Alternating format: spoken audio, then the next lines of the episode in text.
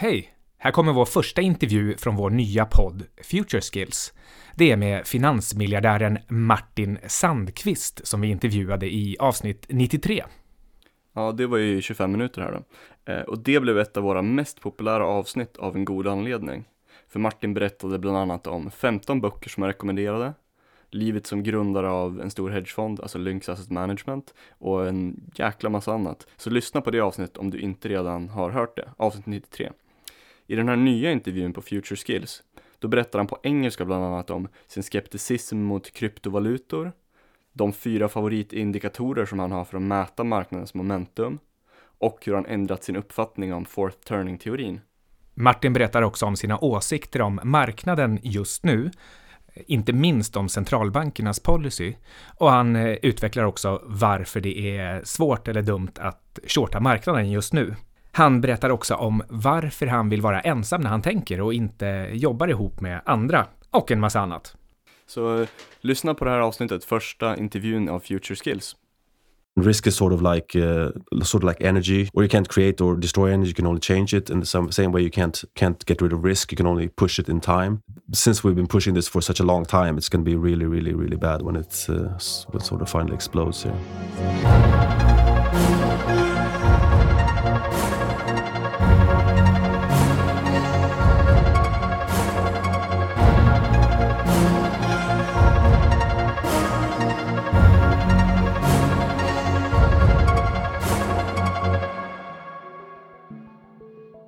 Martin Sandquist is one of the three founders of the immensely successful hedge fund Lynx.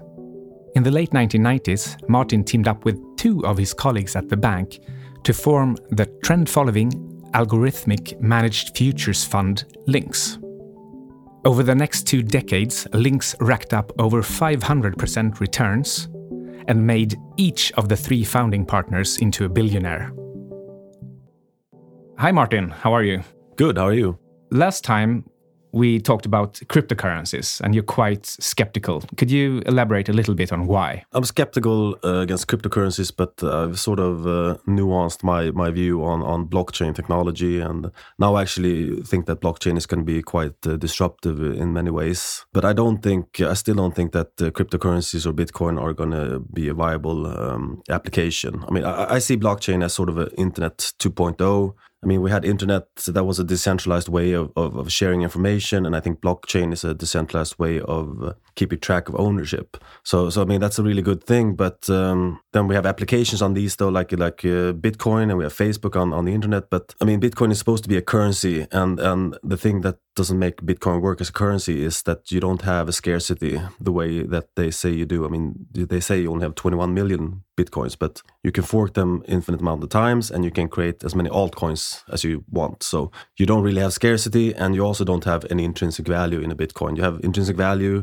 there's value in the network, much the same way as there's value in uh, in Facebook, but you don't have that by owning a Facebook account. Like the same way you don't have value by owning a Bitcoin.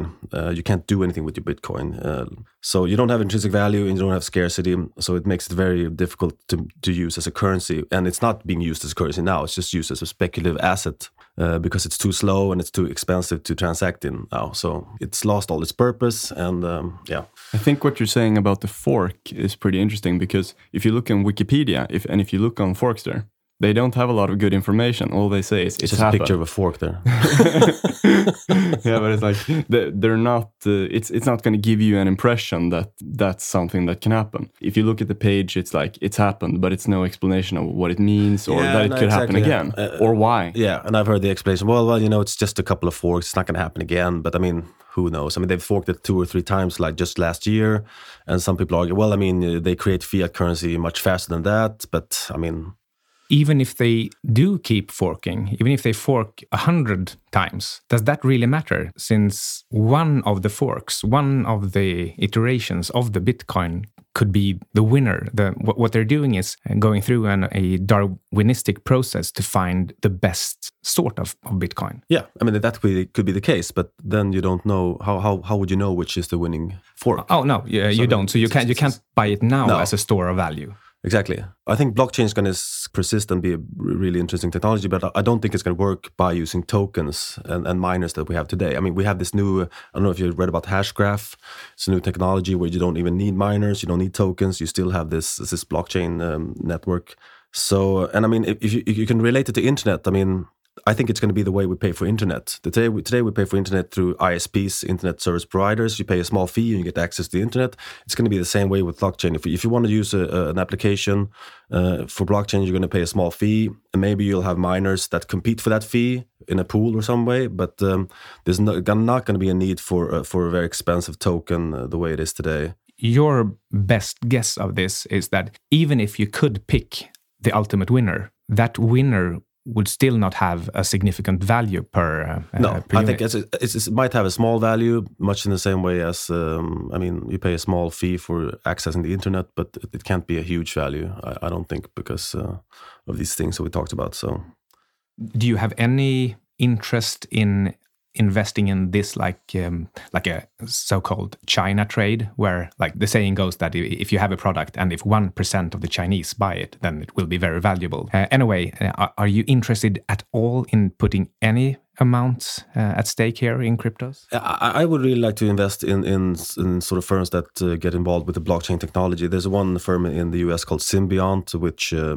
which tries to identify uh, technologies that are going to sort of uh, try to take out the middleman because that's where I think the big big uh, win winning sort of uh, aspect of blockchain technology is where you can eliminate middlemen like like banks and credit card companies I mean lawyers and exchanges all these things that cost a lot of money that can be used that can be done more effectively through through a blockchain technology. That's that's going to be very interesting. So so I mean firms that get involved in that um, that's that's I mean that could be there obviously going to be some huge winners here, but it's hard to say uh, who who they're going to be. What's your view on um, initial coin offerings as a shortcut for uh, for venture capital?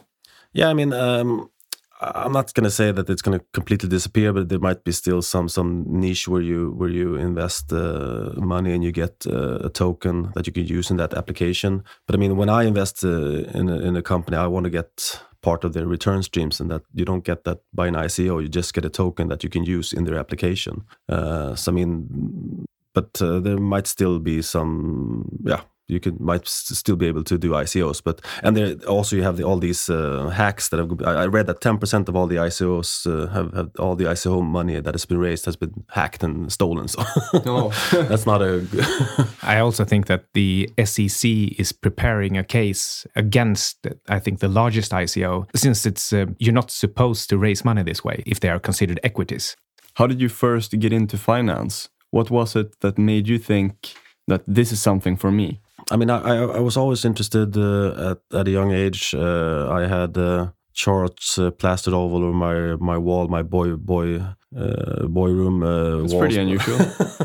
but so, but I can't, uh, I can't, uh, I can't uh, explain what, where it came from. But none of my parents have this interest, and my brothers are all in, in uh, film and movies or in the music. So I can't really explain why. It's, it's some, something has to do with the uh, the part of being uh, financially independent and, and doing stuff on my own. I always loved to, to do stuff on my own, and have sort of total responsibility. I always hated the sort of group work in, in school where we sort of had to share responsibility and I, I play I played the goalie when I played soccer because I didn't want to have teammates. So, so um, yeah, that's part of it. Did you have a lemonade stand? no, no, I wasn't that. I wasn't that entrepreneurial type. I, am not uh, really uh, an entrepreneurial type, but uh, I was always like the independence of trading, and also the fact that you're always judged by uh, just the market. You're not judged by a third party, which which is the case in most other occupations. You have to have somebody else evaluate what you're doing and have an opinion on it, and there's a third party evaluation. That's not the case in the markets where you're only competing against uh, sort of this invisible market and yourself. So, and you're always getting judged day by day, and there's always a also a direct correlation between your skill and uh, the outcome. Uh, I mean, there's a lot of luck also and, and, and noise in, in the interim, but um, that's a really interesting part. That I mean, you can be a skateboarder or a great uh, musician, but uh, it doesn't uh, mean that you're going to make a lot of money or be very successful because you have this sort of third party that's going to evaluate you. I mean, I see this all the time with on the TV shows and people sitting on the subways who are amazing musicians, but they might never make it because of well, luck and other factors. But uh, so that's what I really liked about the markets that there's a more direct uh, connection between your skill and your outcome. You've said before that you like looking for the truth and also making predictions, which well, you need to know what the truth is in, in order to make predictions that uh, that work, that are practical. Did you understand this basis for for trading early on, or is it something you've come to think of later on? No, I think I, I sort of thought about uh, that uh, afterwards, and um, this uh, sort of truth-seeking aspect um, really became apparent to me later on when I was uh, getting in, interested in science and, and, different kind of theories and uh, all that stuff. And I saw the relationship with with, with um, trading also. But um, yeah, it, it came a bit later on as you mature, you understand more yourself and who you are. And But it seems to have entered other aspects of your life. So you're not well. You you're you are looking for the truth in a more general sense as well. Uh, I'm thinking of books like The Fabric of Reality that you recommended, for example. Yeah, exactly. I mean, uh, but most of it is just my also my love for theories and and uh, uh I mean, The Fabric of Reality deals with uh, with uh, with the theory of quantum mechanics and and I mean we have two great scientific theories: the quantum mechanics and and the relativity. And The Fabric of Reality deals with the many worlds interpretation of of the quantum mechanics, where the Everett theory, where you have multiple universes uh, all the time, sort of um, uh, coming into existence to explain the the uh, sort of the strange behavior of quantum mechanics. Uh, so it's a very interesting theory, but um, it uh, it's very strange also. So it's pretty far off from predicting uh, the movement of a share price. Yeah, yeah, but uh, yeah, exactly. But uh, there's also yeah, you're also trying to find truth in, in, in patterns and and and and, uh, and I mean prediction is a, a, way to validate a theory. That's how you validate a theory. You make predictions, and if it's a good theory, it makes pretty good predictions. Maybe not hundred percent, but uh, fairly good predictions. And, and so they they sort of they belong together, theories and prediction in that way. So I would like to backtrack a little bit. So we have you there, like 15 years old, maybe a boy with charts on its walls uh, how do you first get started with the market? Do you just like read the paper? And... Yeah, yeah. It started like that. I read the papers. I saw the, all these numbers in the back of the paper, and I wondered what's that. Uh, that was interesting. and uh, then when I realized that uh, you could make money by by predicting where these uh, where these numbers are going, that made it even more interesting. So I, I started the usual way. I started reading about you know fundamentals, company reports, and my, my my dad opened an account, and we bought some shares of some stock, and uh, so that's that's how it grew really. And I mean, I was I was really crazy at that time. I mean, people had posters of uh, you know Def Leppard on their wall, but I just had charts on the wall, and people thought I was totally mad. what are these charts? But then, I mean, then you evolve. I mean, I I realized that fundamental analysis wasn't really for me. So then I started to to to uh, read about technical analysis, and that's where it really clicked for me because I'm I'm a much more a visual person, and and uh, just uh, yeah, just um, technical analysis really really struck a chord with me, and uh, that's uh, that's when I really knew that this was something I wanted to do. Then I I didn't know about at that time that you could actually make a living from it. That sounds strange today, but uh, um, back then I only knew of you know three occupations in, in finance. It was you know, either you were a broker or you were an analyst, uh, or you were a fund manager picking stocks uh, for a, for a mutual fund. And I mean, I didn't want to do any of those. I just wanted to trade. So I thought I was going to trade on the side and have a real job uh, as my main income. So, but then then when I got to like 25, I realized you, there was this prop trading groups that uh, you could work for, where you could trade for the bank, or you could start a hedge fund and all this. So that's when I really sort of uh, oh, thought that I maybe I should do this for a living instead of. How do you view fundamental analysis these days? Do, do you think it works? Yeah, I think I think it's the wrong question to, to think about whether fundamental analysis works or technical analysis works. I mean, there there are aspects that uh, work and aspects that don't work. I, I use maybe fundamental analysis like ten percent of the time. Uh, that's ten percent of my input into a trade, and uh, uh the other ninety is sort of pattern recognition and technical. But um, I mean, it's but that's more more more more because I'm not that good at fundamental analysis. if I was better, I would use it more. But uh, I, am not, I, I, can't say that it's something works or doesn't work. It's more it works if you're good at it. And I mean, there's 90% of technical analysis that doesn't work, so you can't say that that works either. But um, it works if you if you become good at it and specialized at it. Uh, this is really interesting to become specialized at it. So you said you were more visually oriented and this is something that you understood. Did you understand this at an early age? Yeah i think so. I mean I, like, like i said I saw when i was 15 i started reading you know fundamental analysis and company reports and i just couldn't really get my head around it. I, I couldn't under, I, it wasn't something that clicked in me so yeah. uh, it, it, took some while. But then i, I found the technical analysis when i was uh, 16 my we went to to um, high school and a friend of mine uh, pulled up in a porsche and it was I was like, so yeah, well, how, how did you buy that Porsche? Yeah, I use technical analysis. Okay, I might I might look into that. That's great. so he really really got me got me into that, and uh, uh, I started reading about it, and I just got became fascinated with the patterns and everything. So could you walk us through your process when you do research? All sorts of approaches. Uh, I mean, I, I used uh, Elliott wave analysis for a long time. Uh, I looked. I mean, I've looked at everything under the sun. But then after a while, I just started to recognize that some things uh, didn't contribute to to my uh, predictions. So they didn't make any. I mean, even though I had uh, read, I had spent like a few years on Elliott wave analysis. I was the expert. I mean, I knew everything. I, I I'd read about it day and night. But after a while, I was just like this doesn't add anything to my bottom line. It doesn't add anything to my predictions. Even though it's a great theory, I think it's valid in some sense, but it doesn't uh, help me in my predictions. And then I have to then I have to discard it. And I mean that's a really hard thing to do. Uh, and I still do that a lot. Uh, I have some favorite patterns that I, that I just throughout the other year that I've been using for a long time. But after a while, I, I just realized that they don't work anymore. Uh, something has changed, uh, so I have to get rid of them and just focus on on what adds to the bottom line. And that's yeah. I think there might be like a sense of of being lazy if you use too few variables, and I think that's um, like the a wrong that uh, many many fundamental researchers do. They want to add anything that might have even the slightest theoretical input into a model. And then they just keep collecting data series and never discard any series, especially if they on paper seem to be the most important, like sales or cash flow or yeah, price yeah, earnings. Yeah, no, definitely. It's it's it's a hard thing to sort of, especially if you've been doing something for a long time and you're very very good at it, and it's it's hard to to sort of uh, to to kill your baby. Yeah. What does that mean, by the way? Elliott wave analysis. Yeah. Uh, it's a wave theory uh, of the markets, uh, which uh, says that the markets proceeds in, in, a series of five waves ups and three waves down. Uh, and this is, it's a fractal pattern where you have uh, waves within waves within waves, and you can sort of this this is a framework where you can make predictions on on how the market's going to go according to this theory. And you can kind of always fit an Elliott wave to a chart. Yeah, that's that's yeah, exactly that, that was my. It looks very good, and, and after after after I mean after the case, you can see. I mean, this looks like a perfect wave, but it was very hard to to use it in real time and, and make predictions. Uh. In theory, it also kind of holds water because it, it's uh, mapped to human psychology, yeah. and therefore it's it's very easy to become a fan of Elliott wave analysis. It's fascinating theory. That's why I fell in love with it. But um, yeah, you could probably fit the the five stages of grief to the down waves, and yeah. then some other kind of uh, positive on the, yeah. upside.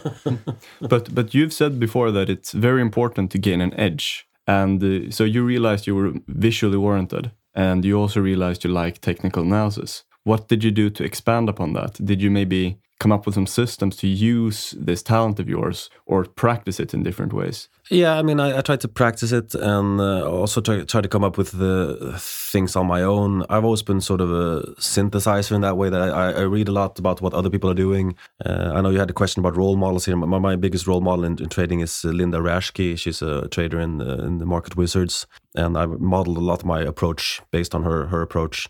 Pattern recognition, where you sort of um, yeah, you try to find patterns and, and uh, always always revise your library of patterns to only keep those that are contributing to your results. Is this someone that you know about, Mikael? No, and I've actually read at least one Market Wizards. But um, as we discussed last time we met Martin, I didn't like Market Wizards. But uh, I'm, I'm, I'm, guessing more and more that I should reread at least one of them. She's in. I think she's in the new Market Wizards, the second book. Uh, yeah, she's. I mean, she's she's not the she's not the biggest trader in the world. I mean, but she's really fascinating. And the case that she's a woman is also there's very few women traders, and and uh, she's uh, she's one of the best. I also like to read a lot and uh, synthesize. Do you have some process for doing it? Because for me, at this point, I feel like I'm becoming so much better at it all the time, and it's a really nice uh, feeling. Yeah, yeah. But, uh, but it's becoming intuitive. But yeah. but I did I have practiced it a lot. I've used all sorts of crazy learning methods and memorization stuff. Yeah, yeah. No, I, I don't have a method for this. Just uh, just yeah. Uh, I just try to be an infinite learner or sort of a learning machine and sort of try to learn all the time. And uh, the fun thing about that is the compound interest effect that you have on learning. I mean, Buffett said that the compound interest is the greatest, uh, one of the greatest wonders of the world, and I think that's true. But it's also true in, in terms of, of, of knowledge and, and learning that. And I mean, you're still very young, Ludwig. So I mean, you're, you're going to be way smarter than us when you come to come to our age if you keep this learning pace up. So, do you read with a pen or a highlighter in hand, or do you just read? I read books. Yeah, but do you, but when, when you read, do you do anything to remember? I have my phone, so I write down my phone if there's something interesting that I want to remember or, or do more research on. Uh, so I put that down into uh, the phone and I do. Uh, usually I read it at night before I go to bed, and I also read a lot in the bathtub, like like Alan Greenspan. So all my books are wrinkled and sort of destroyed because of all the reading in the tub. But I love I love love lying in the bathtub and reading. That's my and is it mostly to collect information and knowledge? Like, is is this a directed uh, activity for you, or is it more for entertainment? But you you like things that also contain information. Yeah, I think it's a bit of both. I mean, uh, I love just love learning things. I love uh, it's it's it's fun to dive into a subject that you can have an opinion on. You know uh, talking at uh, cocktail parties and, and uh, stuff like that. But I have to admit, I, ha- I, have a bit of a bias. I always like, I think this is a sort of work hazard. And when you're in trading, you're always looking for the variant perception in the market. You're always looking for the other opinion that's sort of contrary to everybody else. That's where you can make a lot of money when you have an opinion that's uh, not in the price in the market. But uh, this sort of spills into my to my to my other stuff. So I always uh, f- I always love uh, issues or sort of topics that where I can have a opposite opinion to the uh, conventional wisdom. But my, my wife really gets uh, annoyed at me. She's always like, "Why do you always have to have a contrary opinion to everything? so annoying." That's the fun part. I mean, it's not fun to agree with everybody. It's it's more fun to sort of have an opposite opinion. How did you meet her? Did you ask her at a cocktail party what her favorite uh, interpretation of quantum physics is? Yeah, exactly. That was my pickup line. It didn't work too well, but but but this is something that um, everyone who's into finance and trading, they're like, okay, what's the magic formula for becoming a contrarian, right? But yeah. you have to, how, yeah, there is no formula, correct? No, exactly. And, and I mean, it's not, uh, you can't be a contrarian uh, and you're going to make money by default. I mean, it's not that easy that you, you, just can go against the conventional wisdom. Sometimes it's it's best to go with the trend and, and the momentum and the conventional wisdom. But in the end, you have to have an opinion that's not priced in the markets because um, otherwise it's impossible to make money. What's your process of identifying whether you are going with the trend or against the trend? Well, I have different uh, momentum indicators uh, and stuff like that. Um, uh, I'm always looking for sort of a shift in the regime, so a shift between volatility, low volatility, and high volatility, because that usually begets uh, trends. So when you have a period of high volatility and you start to see the volatility come volatility come down, you usually go into sort of a more range-bound, uh, uh non-trending market. And the opposite also, when you've had a long period of, of non-trending, low volatility markets, it's usually time for for for some kind of directional movement.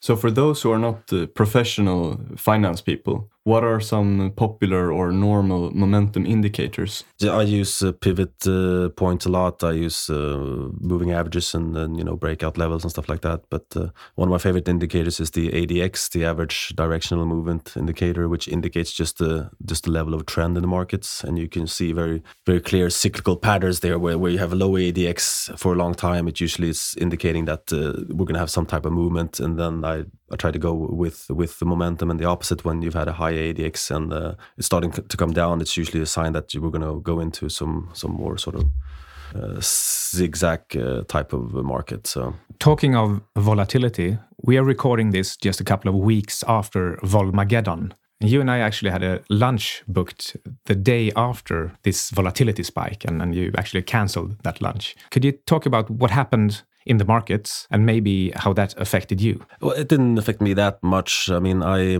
since I trade only my own money now, I can uh, afford to just step aside and, and uh, be fairly passive, which I did. Uh, but it was very concentrated in the in the equity markets, the volatility. You, we didn't have much uh, FX volatility or fixed income volatility. So it's, uh, I mean, I trade um, multiple range of markets, and uh, equities are just one of them. So it didn't affect me that much. Uh, but it's very interesting um, that we see this pattern now. It's the same pattern that we had 1987, where we had a lot of equity volatility, but not much volatility in other assets. What happened then? Uh, well, you know, uh, the crash of 1987. Oh.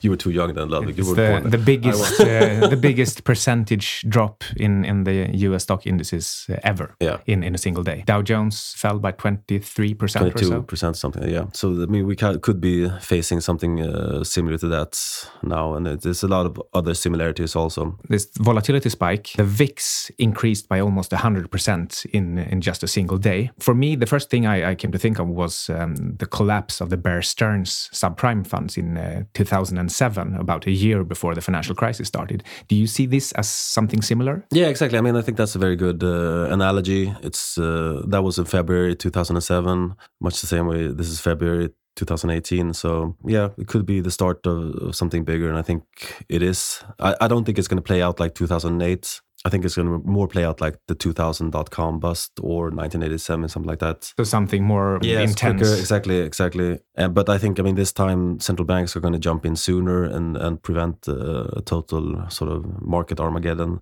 But that's going to, in turn, ensue a, a, currency crisis, like we talked about before. That I think is is that's my vision of how these this uh, thing is going to end. It's going to end in a currency crisis and a dollar crisis when, when central banks go back to easing and, and printing money again. I mean, now now they're on a tightening path, but um, this soon they're going to have to give that up if the market uh, goes down too much.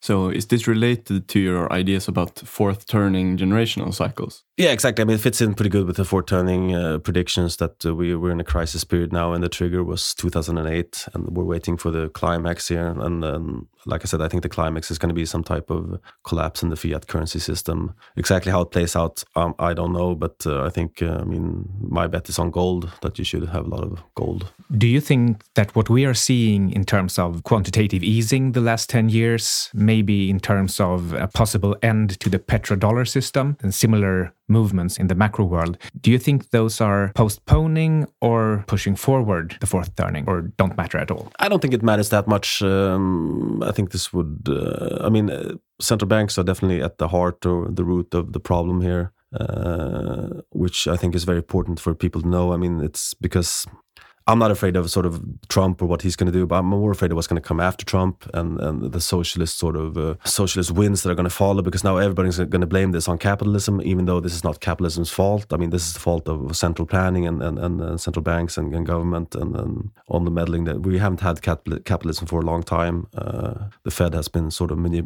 manipulating prices and markets uh, for a long time, and they've tried to push risk out. And risk is sort of like uh, sort of like energy, or you can't create or destroy you can only change it in the same, same way you can't can't get rid of risk you can only push it in time and that's what they've done. They pushed the risk out in time and but sooner or later it's going to come back uh, sort of like uh, trying to contain a volcano. You, you, can just put put a lid on it for for a while but it's um, sooner or later it's going to explode. And then um, since we've been pushing this for such a long time it's going to be really really really bad when it's uh, when it sort of finally explodes here. Since you mentioned gold it's hard to carry. People want to steal it and they actually can steal it physically from you if you have it on you. It's hard to hide or conceal on your body. It's uh, it takes up space. It actually can be mined from the Earth or maybe an asteroid strike. And um, it's hard to use for small payments also it can only be transferred in person. So how come gold is better than bitcoins? Well, because now now we have the technology to to use gold.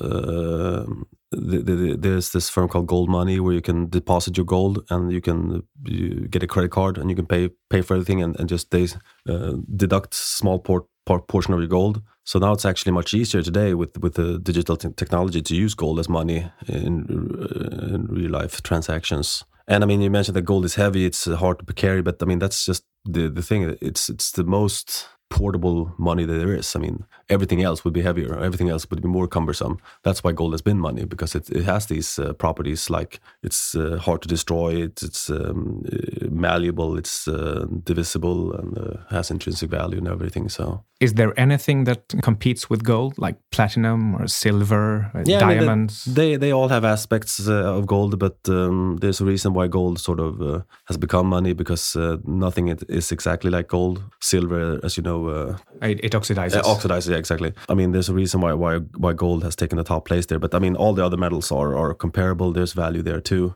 and you can use them in industrial um, uh, applications. And and gold would be used a lot more in the in the industry if it was cheaper. Now it's uh, fairly expensive because of the monetary aspect. So you said gold money. Is that uh, is that uh, Peter Schiff? Exactly, he's invested in that. Um, he merged his gold company with the gold money, I believe. So, is your interest and um, investment in gold is that like a one percent insurance trade, or is it something bigger? It's bigger. I mean, it's like ten percent, fifteen percent, depending how you calculate. Uh, but uh, I I really think that uh, the easiest way to play this uh, sort of disaster scenario is just by going long gold. I mean, because you can't short the stock market because you don't know how much uh, money the central bank is going to put in or how how mean, how far they're going to go to save it. So the the, the real play is just um, by being short fiat currencies and long uh, hard assets. I think. Uh. Do you think holding gold could just as easily double as it could halve in price? Is this just a way of parking money, making sure it doesn't disappear completely? Yeah, exactly. I mean, I think that's it. It's a it's a way of store storing your value, and then I mean, if you look at history, gold has been an excellent store of value. Like like in the Roman times, you can buy buy a toga for an ounce of gold. Today, you can buy an expensive suit for an ounce of gold. So it's definitely kept this sort of purchasing power, which you can't say about any other fiat, uh, any other currency. All right, going forward, no matter what it will mean in terms of dollars. Do you think in in 10 years time do you think you can buy more or less S&P 500 units or more or less um, square meters of living space for for gold than you can can now, more or less. Uh, the living space is hard because uh, that's a hard asset also, and I, I believe in owning sort of uh, land and property. I think that's a good, but I think the relationship to the S and P or Dow is gonna.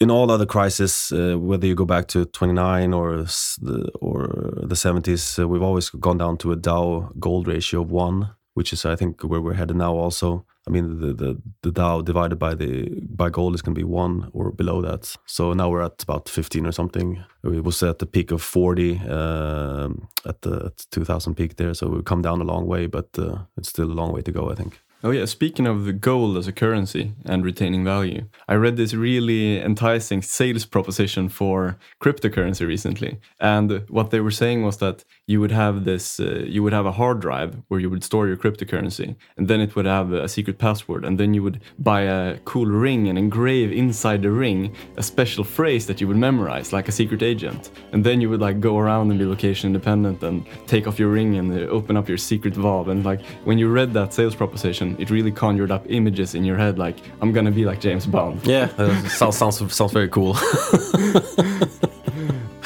but the whole point is uh, this is gonna replace gold, and this is going to be the new thing where it's like everyone is just gonna go around and be location dependent and have their secret storages of cryptocurrency. Yeah, and I mean uh, they they play a lot uh, on that in the crypto world. I mean they they they have the term mining for the the proof of work in in the blockchain and uh, sort of to to to say that it's uh, similar to mining gold. I mean uh, it could work if it wasn't the case that uh, you could you could create as many of these cryptos as as, as you want. I mean and which people are going to do if the price keeps staying this high. I mean the supply is going to over overwhelm the demand sooner or later, and the price has to come down because if it doesn't cost anything to create uh, new currencies, then uh, I mean, people are going to do it. So. But one thing that's really interesting is uh, just the psychological position of it, the psychological proposition of uh, what's going on. So, like, uh, even if uh, everything you're saying is right, you have a lot of people who have now started to become so interested in promoting this that they'll tell their friends and you know because they're invested in themselves and they have everything to gain from the price going up so they've turned a lot of people into true believers who are very good salespeople, and it's going to spread like that. And even if uh, there's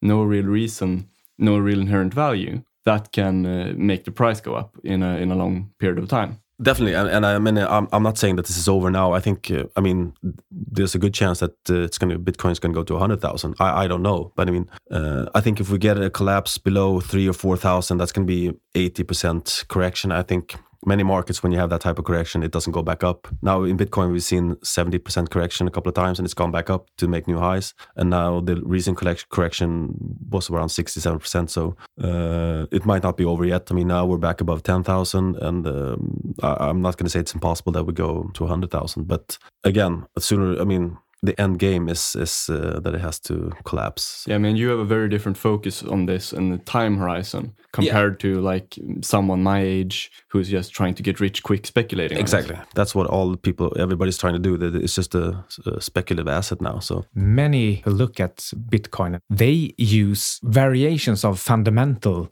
arguments, whereas since it actually has no intrinsic value at all, it might have a use case but no real value. But your entire career is built built on pattern recognition and analyzing the underlying psychology or the actual price movements. So your approach actually should work better here. From that perspective, you say that, all right, this correction was only 70%. So therefore, it might just as well set new highs. But just you wait and see until you get the first 81% correction. Well, it wouldn't be the first one. They, I think they had actually had like had 80, 80 or 90% Okay, in the beginning. Uh, maybe that's true. Yeah.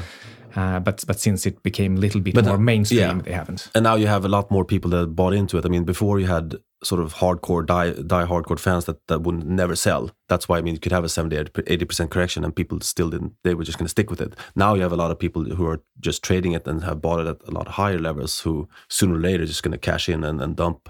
Whenever somebody says that it should trade at a hundred thousand or a million dollars per unit, they base that on macroeconomical equations like MV equals PQ, which is just a way of saying uh, how much of the economy uh, should be traded in bitcoins and how quick how how quickly. Or, for example, if Bitcoin is supposed to rival gold, then the price needs to be Yeah, five hundred thousand or something. But the reason I I don't like uh, to trade, I mean, I, I, I understand people who trade Bitcoin, I- but I would never do it because um, uh, my type of analysis requires that there's a lot, there's a sort of a very large group involved. I I heard that uh, sort of like, I think um, a majority of the Bitcoins, or 50% or more, is held by only a thousand people, which makes it very easy to sort of manipulate. And I think there's a lot of that going on in the price uh, when it's controlled by such a few hands. And, and uh, so that makes pattern recognition uh, not that great. Uh, Do you know anybody who holds a significant amount of Bitcoin? No, I mean I have friends who have, who have small amounts, but uh, Do you speculate at all in as to why, for example, the Winklevoss twins owns so much? No, what, I- their play is? I think I think they believe in it, and I think uh, I mean it's I can understand the uh, case for it. Uh, people are fed up with the whole fiat currency system, and they, I think that the the starting point for it was was this sort of libertarian view that uh, the central banks are printing too much money, and we're going to have a the fiat currency doesn't work, so this is better because it's a scarce uh, amount and everything. So. But uh, I, I don't think they've thought it through the whole way. I want to go back to the fourth turning uh, theory.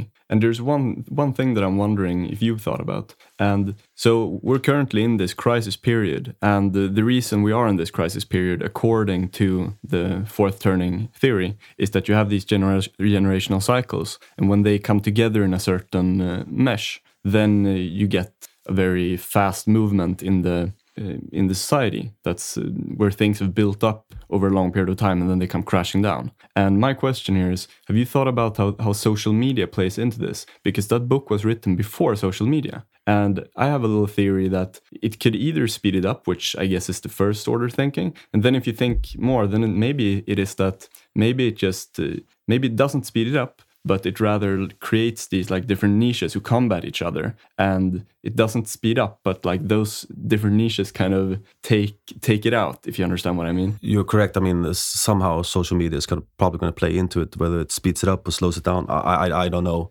Um, it could go either way. But uh, I think it's interesting with the fourth turning predictions that you see so much of it. Sort of, um, you see so many telltale signs now of, of the fourth turning that we're in. One is this uh, whole Me Too movement. Uh, I think is uh, very telling because uh, one of the pre- predictions of the fourth turning was that um, as you get into the fourth turning, you're you're not going to have time for sort of trials and and and uh, due process, you know, go to court and everything. And that's what you see in the Me Too movement. You have sort of summary convictions. People are getting, um, if you're accused, I mean, you're convicted right away. It doesn't matter what the truth is. It's just uh, uh, it's a very summary trial fashion, and, and that's that's. I mean, in the fourth turning, you talked about the demand and supply of order in society. During the first turning, you have a very high supply of order and very high demand for order. You know, the 50s and 60s, we came out of the World War II era. Uh, all the great institutions were created, UN and, and all this stuff. Uh, and then the second turning, um, the the supply is still high, but the demand goes down for order. So you had the 60s, you know, liberation movement, women's liberation, and, and the sort of the flower power movement. So it's low demand for order, but still a high supply. And then in the third turning, you get low supply and low demand for order. You have the 90s, 80s, 90s with the deregulation and, and the, the freedom age, you know, and the individualism and all this stuff. And in the fourth turning, you get still low supply of order, but you have a high demand for order. That's what we see now with the Me Too movement and everything. People want more order, they want more structure, but we have still a low supply of it. So that's uh, what we're seeing now, I think. Um, yeah and I, I think one super interesting aspect of this is how most people going back to what you were saying before about the importance of reading books and i think a lot of people they're they have a lot of shallow knowledge but they don't know how they don't have any strong patterns or models in their head. So everything seems new to them. And then because they do that, they, they think everything is new. And then because of that, they want people some some authority to simplify things for them. Yeah, exactly. And I think that's sort of uh, what we're seeing social media do in a lot of cases. Yeah, that's uh, definitely true. Maybe just because there is so much information available, you tend to focus more on the present, since even if all the information is available to you, there isn't room in your head for looking back more than a few years. I'm constantly surprised how new traders on the market, how little they know or remember of what, what happened just 5, 10, or 15 years ago. Yeah, that, that's so fascinating because in all other aspects of society, I mean, we, we always build on our, on our knowledge. I mean, science and mathematics and whatever it is, we always, always retain the knowledge and we build upon it and sort of get further on. But in economics, it doesn't happen that way. We still make the same mistakes over and over again. I mean, fiat currencies have come and gone for many, many times, and and, and politicians make the same mistakes, and and uh, voters make the same mistake over and over again. So it's it's very fascinating. But I think it's part of human nature. I mean, we were short-sighted. Uh, animal. So I think that one of the best things with the internet and social media is that you can find your own peers very easily. I can find people that are interested in weightlifting and quantum physics, which 15 years ago, it would be pretty hard to, to find that special group. it's a very, very small group. It's like two people.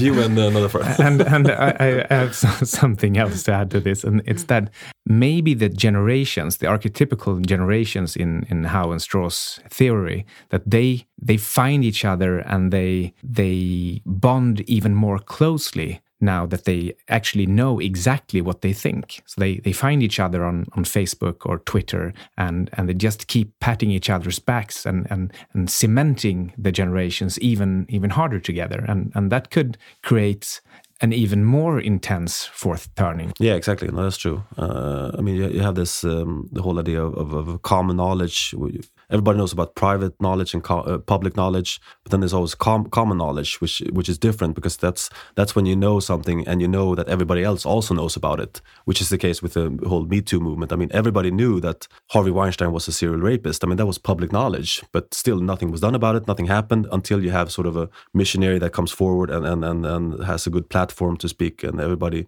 when when this person says this, everybody knows that everybody else knows about it too. And then becomes common knowledge, and then it sort of sort of just falls apart everything. So. Uh.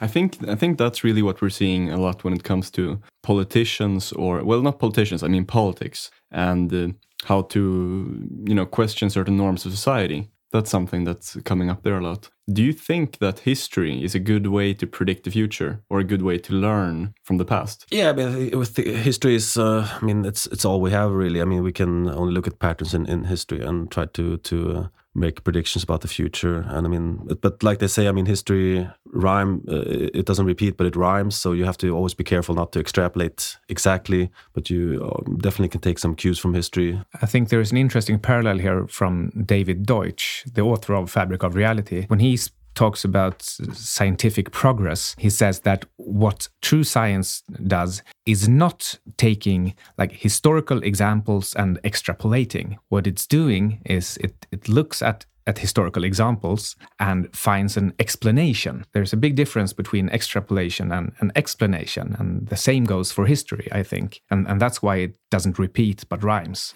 Yeah, exactly. No, that's true, and, I think it's uh, it's, it's very important point he brings up also there that uh, scientific theories not only have to make good predictions and good explanations, but they also have to be hard to vary. That's a very, very important part of scientific theory. I, I can have a scientific theory that you know the god Zeus uh, makes the makes the spring come because uh, yeah, uh, at this every time this year this spring comes and you know it gets warmer and, then Zeus makes the winter come during the fall. But you can change uh, Zeus for any other th- name; it would still be the same theory. It would still make good predictions because I have this timetable, but it wouldn't be a good uh, scientific theory because you can vary it any way you want. Exactly, and and then if you just uh, change places on Earth to to another hemisphere, yeah. and then you can say, well, he's he's sad during yeah. winter time or something like that. You helped co-found the hedge fund Lynx. Now it manages about six billion US dollars. Could you explain what do they do? Uh, Lynx is a systematic uh, uh, CTA, it's called Commodity Trading Advisor, uh, which uses uh, purely uh, systematic uh, models to make predictions on the markets. So there's no sort of um, discretionary um, intervention from from the managers. Uh, uh, all that is done is is is, is um, construct models that try to make predictions, and then you follow the models 100%. So how long would you say the lag time from from constructing the models um, until you, let's say, change the models due to changes in the market? It's fairly long. I mean, uh, we had a rule that uh, you should only change models every six months, and I still, I think they still stick to that. So you want to make small incremental changes to the models and, and not be too sort of uh, eager to change because it's it's very easy to to to change a model just because it's had a bad period, but usually that's the wrong time to change a model because it's going to start to perform again. So you want to be sort of slow moving and, and